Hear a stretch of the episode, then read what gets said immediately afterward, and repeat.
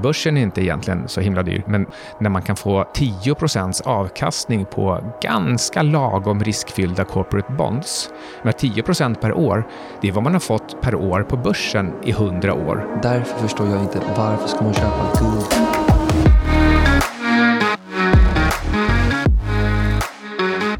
Hej! Du lyssnar på Antilop Podcast och det är Carl Mikael Syding och Mr X. Vi kör en update på saker vi har pratat om tidigare. Eh, dels vad jag och Mr X har pratat om, men kanske också följer upp lite det jag och Anna pratade om i förra avsnittet om supply och demand. Då pratade vi supply och demand för råvaror och aktier. Lyssna gärna på det. Idag så kommer vi kanske komma in på supply och demand för valutor och inte minst spaningen att det är faktiskt helt nya tider nu. Ja, ska vi hoppa direkt in på Bank of Japan som precis har annonserat att de typ släpper sin cap när, de, när det gäller yielden och eh, vart de ska intervina i USD-yenen. Ja, alltså de eh, har inte längre ett stående löfte om att köpa igen för att stärka yenen. Och det, det är lite läskigt eftersom att förut har man ju sagt att man, oh, men vi, vi kommer sälja dollar och sen köpa igen runt 150 men nu säger man att man inte helt plötsligt gör det. Och då blir det helt plötsligt en ganska stor rädsla i, i den marknaden eftersom att då kan det gå upp hur mycket som helst, alltså USD-yenen. Och, och, och, det här säger man när yenen redan är svag. Alltså den, är, den, är ju, den, är, den har gått ner massor mot dollarn de senaste åren. Sen får man också tänka på att Bank of Japan, det är de som har lagt policyerna och, och grunderna för alla centralbanker i hela världen. Alla de här 10-20 åren där man har stimulerat och gjort i QE. Allting är på grund av Bank of Japan. Och när, när det blir såna här, det är verkligen en anomali att de går upp så fruktansvärt mycket. Det borde, vara, det borde ge mm, storheter i andra, eller i andra effekter på, på ekonomin. Det är, det är lite läskigt. Mm, eh, Japan är fortfarande en stormakt, en finansiell stormakt. Och om man har ett, ett känsligt system och vi vet att hela det finansiella systemet, hela Fiat-systemet, det är lite i gungning. Så vi har folk som pratar om eh, dollarns död som reservvaluta. Någon annan pratar om milkshake theory som egentligen säger att när en reservvalutas hegemoni, hegemoni utmanas då blir det stökigt och volatilt. Och i det här att det skak, man skakar om riktigt ordentligt, då, då får man också vara beredd på, alltså, även på nedgångar, men inte minst på uppgångar. Och just det här Japan-fallet, då är det enkelt att, att, föreställa sig att Japan har tryckt pengar. De har ju kört QE, de, de, de var pionjärer inom QE, de har hållit på i 25 år. Eh, länge så trodde man att det skulle verkligen krossa deras valuta, men den har hållit emot. Eh, och, och sådana där saker håller längre än man tror. Men nu verkar vi ha kommit till, till slutet på den här, eh, det här experimentet. Ja, för, för Japan är inte längre en exportnation. Det är en importnation. Och då måste de, alltså de får inte in in mer dollar än de gör av med. Jag har för att de gör ganska mycket eh, nuclear eh, eh, turbiner och, och, grejer som de eh, e-, exporterar. Men de har ganska eh, problem med energin. De har ju ingen energi. Olja, naturgas, all, alla de där. De... Och det där bara blir värre. Exakt. Eh, men som sagt, det läskiga är att man, nu tappar man ju verkligen kontrollen på den här yield eh, curve-kontrollen. Och eh, det bäddar ju egentligen bara för att USD ska gå, USD ska gå upp ännu mer. Om man redan har ett handelsunderskott och därmed inte får in tillräckligt med dollar för att skydda valutan eller intervenera för att stärka yenen, utan tvärtom måste säga att ah, vi, vi kan inte riktigt hålla på med det där, ja, men då orsakar man en, att det blir väldigt enkelt för eh, hedgefonder till exempel att ta positioner, kort, kort yen, lång dollar, Eh, och sen kommer Japan in och eh, eh, eh, ja, de kan försöka intervenera lite då och då, men det blir ju bara halvhjärtat. Det kanske blir någon dag med, med, med starkare igen, men det är bara att tugga i sig den volatiliteten för att ligga och drifta mot svagare och svagare igen hela tiden. Det blir, det blir nästan som att skälla godis. Det är bara lite märkligt. Japan är alltså tredje världens största ekonomi. Det är, det är inte ett litet land. Eh, och eh, bara generellt sett med den här de-dollarization. Jag har svårt att se att, att man ska ta bort dollarn ur systemet. Jag är lite på Brent Johnsons sida. Det finns väl liksom två aktörer som förespråkar eller advokerar olika grejer. Det är Peter Schiff eller eh, Brent. De har väl ganska starka åsikter om vart dollarn ska. Men det är bara att eh, det är så jävla svårt att, att ta bort. Jag fan faktiskt han Jeff Snyder, han beskrev det jävligt bra i en av sina avsnitt med Brent. att när de liksom djupdy djupdyker vidare i det här och liksom verkligen förkovrar sig. Men att det är så jävla svårt att få bort dollarn. Alltså hur ska du ja, det, Mm, å, ena sidan, å ena sidan så skulle man kunna tro att men det, det är väl lätt i vår så, big data-värld att bara programmera om allting. Ehm, det, det, det kan inte vara ett problem att man använder dollar i alla kontrakt till exempel. Men däremot så är alla flöden upplagda kring dollar eh, oavsett vad det står i kontrakten. Och inte minst så har alla har ju lånat dollar. Vi har ju hela den här så kallade eurodollarmarknaden, vilket innebär att massa banker utanför USA, de ger ut dollar för att um, det, det, är andra företag som, som vill låna dollar för att de i sin tur ska använda dollar för att handla mer på marknaden. Deras skuld är ju dollar. Ja,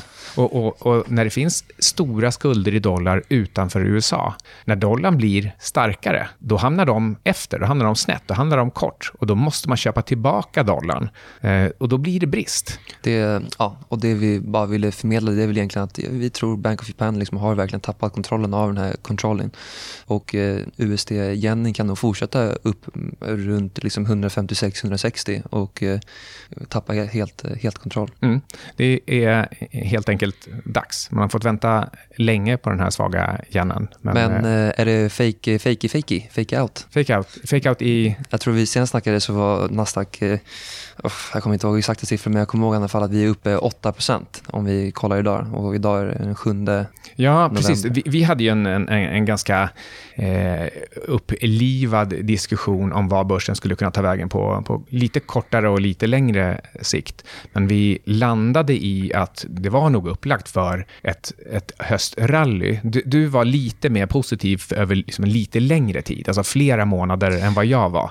Det här gick så jävla snabbt. Jag tror att vi aldrig haft en sån här snabb uppgång med så många dagar i rad som det har gått upp. Alltså det, senast det här hände så kanske var runt 2020-toppen där någonstans. Det är liksom en blowout. Alltså 8% på såna här få, få dagar. Det är fruktansvärt snabbt. Och inte ens enda pullback. Det går bara, det går bara rakt upp. Jag får vibrationer från de stora nedgångarna 2001, 2002 och eh, 2008 det är varje gång som du hade en riktigt snabb uppgång på, på kort tid, eh, så var det bara en, en, en dum rekyl. Den kunde vara 10% eller 25% men den följdes alltid av fler säljare. Och jag tycker faktiskt fortfarande, nu ser det ut idag som att Nasdaq kanske bryter upp genom övre delen av, av sitt fallande kanaltak, men det, det är bara en dag eh, som lika gärna bara kan vara en fake-out. Alltså att du, du, du börjar testa en kort stund ovanför det där kanaltaket, men egentligen så har vi en fallande trend. Alltså Nasdaq är nästan,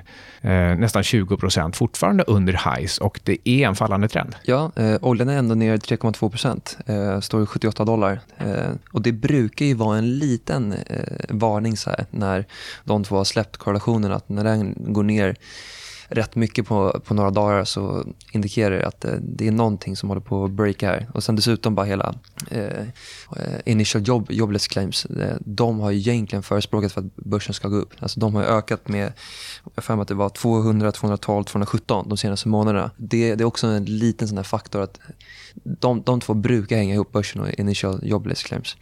Nu kom ju senast en, en svag payroll-siffra. Ja, alltså, så det gäller ju att hålla, att hålla isär de här. Liksom. Det ena är hur många nya arbetslösa och det andra är hur många nya som får jobb. Och Tittar man inte på det här jämt, då, då glömmer man alltid bort vilken som är vilken. Eller så man, man bara hör någon säger någonting om jobbdata och så tänker man inte på om det är jobb plus eller om det är jobb minus data ja, man tittar jag, på. Jag brukar bara ha i bakhuvudet att initial jobless claims eh, förknippar jag med börsen. Eh, de två korrar eh, väldigt starkt. Mm. Ja, claims anses vara mycket bättre än, än payrolls. Men, men däremot så kan man se eh, när man ska bedöma var konjunkturen är, att payrolls är en, en bättre siffra. Och, och, inte minst när det är negativa revisioner av gamla data. Alltså varje gång man släpper en ny månadssiffra så gör också eh, den här Bureau of Labour Statistics, eller vad de heter, eh, de gör en revision av de tidigare tre månaderna.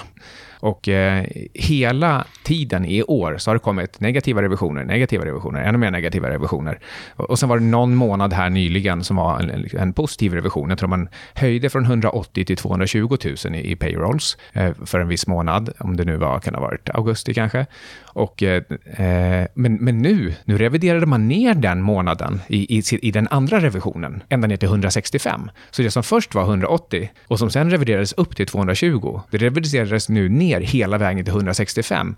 Så man har ju blivit helt lurad hela vägen. När, först då trodde man att det var 180, sen trodde man att det var 220. Yes, det har ju vänt. Men så var det ju egentligen ännu sämre. Och den här typen av negativa revisioner, det är sånt som, som händer eh, inför en recession. Ja, och då ska vi ha en ränta som är på 5,25 till 5,5 och sen så har vi en inflation som är på 3,7. Det eh, skriker pivot och att man kommer brutalsänka räntan i, i Q1, Q2. Det, ja. det, fin, det finns inga ja. andra alternativ. Ifall inflationen är, ifall inflationen är under 3% då tror jag vi kan se alltså, 200 bps sänkning på eh, något krismöte? När, eh, jag tror inte Fed gör det på eh, ett enda möte. Eh, de skulle kunna, om de får panik, sänka med i alla fall 75 punkter på ett möte. Så 75, 75, 50 kanske, för, för de behöver falla, falla snabbt. Men jag, jag tror aldrig på 200 punkter på, på ett, ett möte. För, för, för, då har man verkligen sagt, vi har ingen aning om vad vi gör. Vi ligger så långt efter kurvan att vi, vi liksom inte ens ser kurvan. Och, och, och, det får man inte säga. Jag, jag, tror att det är illa nog med en pivot.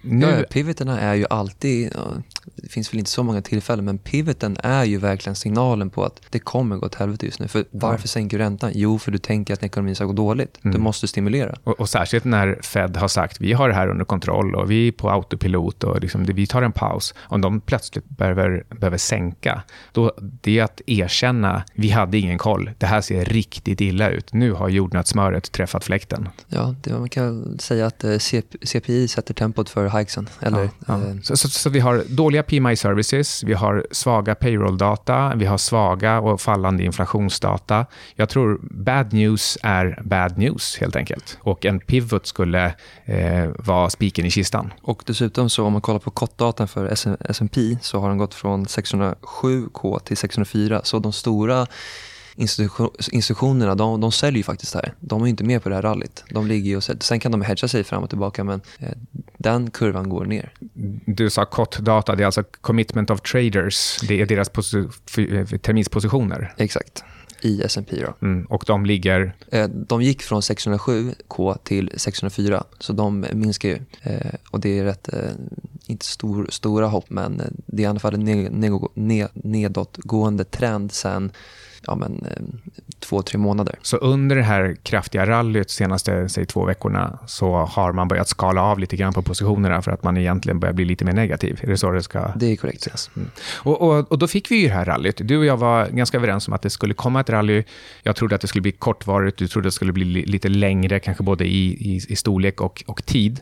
Men eh, nu verkar vi ändå ganska överens om att det, det, i alla fall på kort sikt så är det ner. Ja, men jag trodde bara inte att det skulle gå så snabbt. Alltså det gick fruktansvärt snabbt. Alltså det, man kan mäta hur många dagar som går upp eh, eh, i, i candles eller i bars eller vad som helst. Och, och den här uppgången, alltså den, det, är, alltså det är sjukt. Det är fruktansvärt snabbt. Mm. Det är nästan lika snabbt som hur, hur, eh, så snabbt man höjde räntan. Alltså du har aldrig höjt räntan så här snabbt i hela historien. Och det, det har inte gått så här snabbt på alltså flera år. Så vi snackar kanske ja, men, sex eh, till åtta år mellan tummen och pekfingret. Det, sådana här rekyler är inte vanliga. Och de brukar oftast följas upp med att det kommer en, en pullback. Det är, jag, jag har svårt att se att det ska fortsätta 5% till. Det är alldeles för tidigt också för att vara ett, ett riktigt tomterally. Tomterallyt är extremt sent, i december egentligen. Så det här är snarare ett, som ett, ett, eh, ett fake-rally, där man tror att man får ett tidigt tomterally. Mm, men eh, med tanke på var vi står med höga räntor, och att de gamla höjningarna har inte jobbat sig igenom systemet ännu. När till exempel så är boräntorna i USA nu, alltså de här 30-årsräntorna, om du ska ta ett nytt lån, då ligger det på cirka 8% Det är väl lite lägre eh, just nu då, för det har kommit ner några tiondelar. Dock, deras lån är ju nästan alltid fixt. Ja, ja, ja, Jänkarna har ja, det är 30, 30-åriga. Ja, ja. 30-åriga och de, de, ligger på nära 8% nu. Mm. Eh, men snittstocken ligger på 3 det, det är det här som är så sjukt i USA. Men när går de här lånen ut då? Vet man det?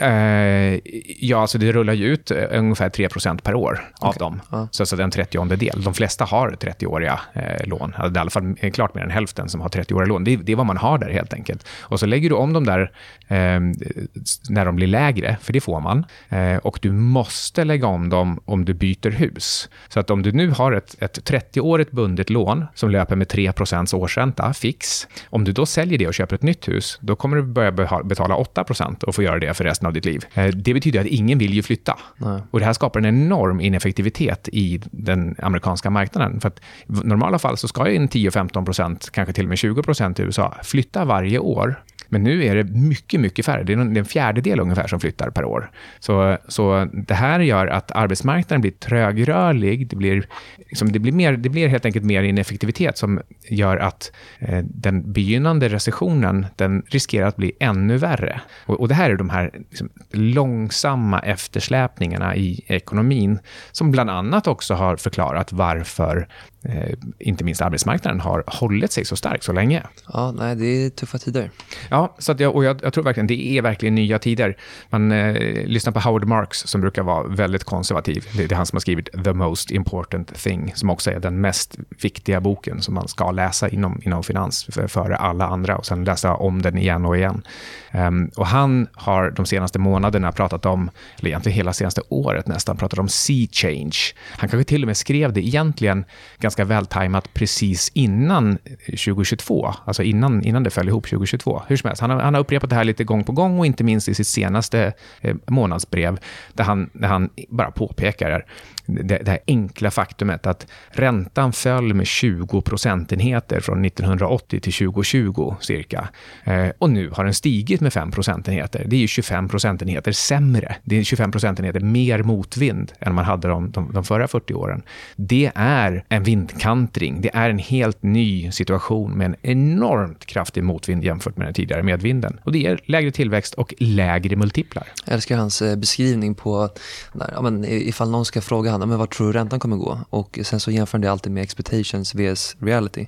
Och sen att det är tillräckligt svårt att, att förutspå vart räntan ska och sen så har du ett andra derivat på börsen där du också ska förutspå. Och han, eh, han, han eh, ser liksom ingen vinning i att sitta och, och förutspå de här eh, ändringarna utan han, han bara sitter och köper sitt eh, kassaflöde och sina stabila affärsmodeller. Mm. Han påpekade för övrigt också i senaste brevet att det är inte så att han tycker att börsen specifikt är jättedyr. Nej, alltså han hittar ju sina case. Han är ju väldigt pro den här eh, Hafnia som han har varit med och dragit eh, private eh, deals i. Ett norskt eh, oljetankerbolag. Eh, de går ju som tusan nu, alla Frontline och OET och ja, diverse ja, grejer. Det är väl där man ska hålla sig också. Alltså olja, energi, lågmultipelföretag. Kanske vara försiktig med saker som har belåning, för jag tror att eh, belånade företag, det kommer komma överraskande negativa nyheter. Det blir liksom såna här ked, kedjeeffekter, där en låntagare får problem, eh, den sämsta låntagaren, den svagaste länken i kedjan får problem. Och då leder det till att nästa steg i kedjan, som, som är beroende av den där låntagaren, då får de problem istället och vilket innebär att det så fortplantar det sig vidare i hela kedjan. Och det, det är sånt här som händer när räntor går upp och man har extremt höga skuldbördor, vilket är, är det vi har. Och sen så lägg till då att man skakar runt hela den globala finansmarknaden genom att ge en stark dollar och till exempel de här problemen vi pratade om för, för Japan. Eh, så det här skapar ett totalt en total omvärld där man hellre ska sälja RIPS än köpa dips. Alltså bara sälj, sälj när du har fått 5-10% uppgång på börsen eller 10-20 i, i dina bolag skala av eller sälj allt, alltihop och köp inte om dem igen på dipsen. Utan det liksom... låter ju helt sjukt att man får 10 ja, men 8 mm. 8-10% på en och en halv vecka. Mm, på hela börsen. Ja, men alltså då, då är alla killar klara på eh, fondkommissionerna. Helt plötsligt har du fått din bonus, nu är du klar. Mm. Jag skulle bara avsluta där med Howard Marks, för han säger att börsen är inte egentligen så himla dyr. Men, men däremot så när man kan få 10% avkastning på ganska lagom riskfyllda corporate bonds, med 10% per år, det är vad man har fått per år på börsen i 100 år. Därför förstår jag inte varför ska man köpa guld när jag kan få 10% garanterat? Ja, nej, det, det är, eh, ett, eh, det är ett svårt eh, case att göra när du faktiskt kan få 10 eh, ränta på en, på en bra corporate bond jämfört med en, en gul sten. Det är ju någon slags eh, hopp och tro om att det kommer en omprisning av den där stenen. En, en, en sent omsider så kommer omprisningen. Men det här är lite det vi pratade om, jag och Anna, förra gången, att om supply demand inte är i obalans nu, då, då kan vi aldrig veta när den blir det och det spelar inte så stor roll. Det är lite som vi pratar om uran. Vi har ju sagt i flera år att det är en obalans, den kommer, priset kommer vara högre. Ja, och nu, nu har ju priset fyrdubblats, femdubblats, men men det är inget fel i att det dröjde några år innan det gjorde det. Men det är en grej som man faktiskt inte tänker på. Alltså hela grejen med varför jag gillar guld egentligen, det är för att centralbanker köper det. Jag såg igår att Kina hade köpt eh, record amount, men de producerar rätt mycket också. Men det är den här tanken att alltså när det blir ett Armageddon-scenario och att guld går till 3-5 tusen eller vad det nu är, det ponerar ju på att centralbanker säljer sitt guld för att köpa billiga aktier. Så du menar att du ska tajma på något sätt där innan, eh, ja, alltså, innan centralbankerna ska sälja? För de är ju massiva. Egentligen så är inte tanken att centralbankerna någonsin ska sälja sitt guld. Utan det är snarare så det, att... Det är så nu, de har gjort i historien. Nu håller man... När, när det har gått väldigt bra, då har de ju sålt sitt guld för att sen köpa billiga aktier. Och trots det så har ju guldet gått upp väldigt, väldigt mycket. Ja, alltså guldet har ju gått upp 100, 100 gånger mot dollarn till exempel. Ja, ja det beror på Det är ganska mycket. Ja, det, det, är mycket. Det är absolut mycket. Så, så men... det spelar ingen roll att de går in och ut så, så, länge det är så att centralbankerna trycker mer pengar, så att mängden pengar per kilo guld eh, ökar med 100x. Och, och, det är väl det man kan se framför sig eh, nu också. Och, och vad jag tror kommer hända, det är att man är tvungen att göra någon slags omstart av hela finansiella systemet och då behöver man en, någon typ av benchmark. Man behöver någon grundbult där ingen kan tvivla på att, att du, du sitter på samma spelmarker som alla andra. Där skulle kryptovaluta kunna vara en lösning. En annan lösning kan vara markyta eller energi eller någonting. Det, det är också ganska bra eh, realekonomiska grundbultar. Men, men guld är så himla enkelt och tidstestat genom historien. Och dessutom så ser vi att centralbankerna verkar, verkar agera på precis det sättet. De hedgar sig själva. Ja, och sen dessutom ifall man tror på en de-dollarization eh, och eh, Afrika och Kina och Ryssland och Indien, vad ska de handla med? Jo, men ifall de inte de vill Eh, säga upp sig till, till dollar så är ju guld en fantastisk eh, eh, råvara. För att lita på att ingen fuskar så, så, säger man så här är avtalen. De ska vara säkrade med 10% guld, eller 25% guld eller 50% guld och då måste guldet skrivas upp till, en, till ett visst pris, eller det måste hamna på ett visst pris. Och faktum är att centralbankerna har väldigt starka skäl att låta guldet bli mycket, mycket mer högre värt. För då, då fyller det hålen i balansräkningarna för centralbankerna. Alltså om, om guldet går från 2 000 till 10 000 då, då, har, då, då är det plötsligt inga underskott i, i centralbankerna. Så USD-yenen kan gå till 156-160. Vi har... Eh, Mot japanska yenen. Japanska yenen. Och det väldigt snabb uppgång på väldigt få eh, dagar. Och eh, guldet, sälj ditt guld för att köpa Handelsbanken. Jag tror, jag tror, Var kom den ifrån? Jo, men jag eh, gillar att säga den taken. Samma sak som med eh, energi, att man ska köpa Cool Company. Hur löser du energikrisen i Europa? Ja, köp LNG-bolag. Köp ett litet norskt rederi, så ja. då har du löst hela energikrisen i hela Europa. Ja, och eh, istället för att leta investmentbolag inom tech, köp Ethereum och håll truten. Ja, alltså jag, jag håller ju ändå med om eh, just de här slutsatserna att eh, man ska köpa riktiga saker och så lite lån, lånebelastat som, som möjligt. Och gärna faktiskt hålla sig till, till cash och obligationer och, och guld och bitcoin, eh, förutom liksom olja och andra råvaror. Tills det här... För det är till, andra tider. Ja, till vi har jobbat oss igenom den här recessionen och pivoten och det, det, den volatilitet som högst sannolikt kommer 2024. Fast man säger att det ska upp till 17 000 i Nasdaq eller vad det nu är. Alltså det, det, kan fortfarande vara en krokig jävla väg däremellan. Mm. Jag har lite svårt att tro på Argentina-scenariot redan nu. Um, så, så, ja, så, så länge tror, Fed inte köper. Jag tror, jag tror börsen har en, eh, en rejäl nedåtresa i sig först. Alltså lite så som 2020 och 2022. Och, eh, Då har du lyssnat på, på anti... anti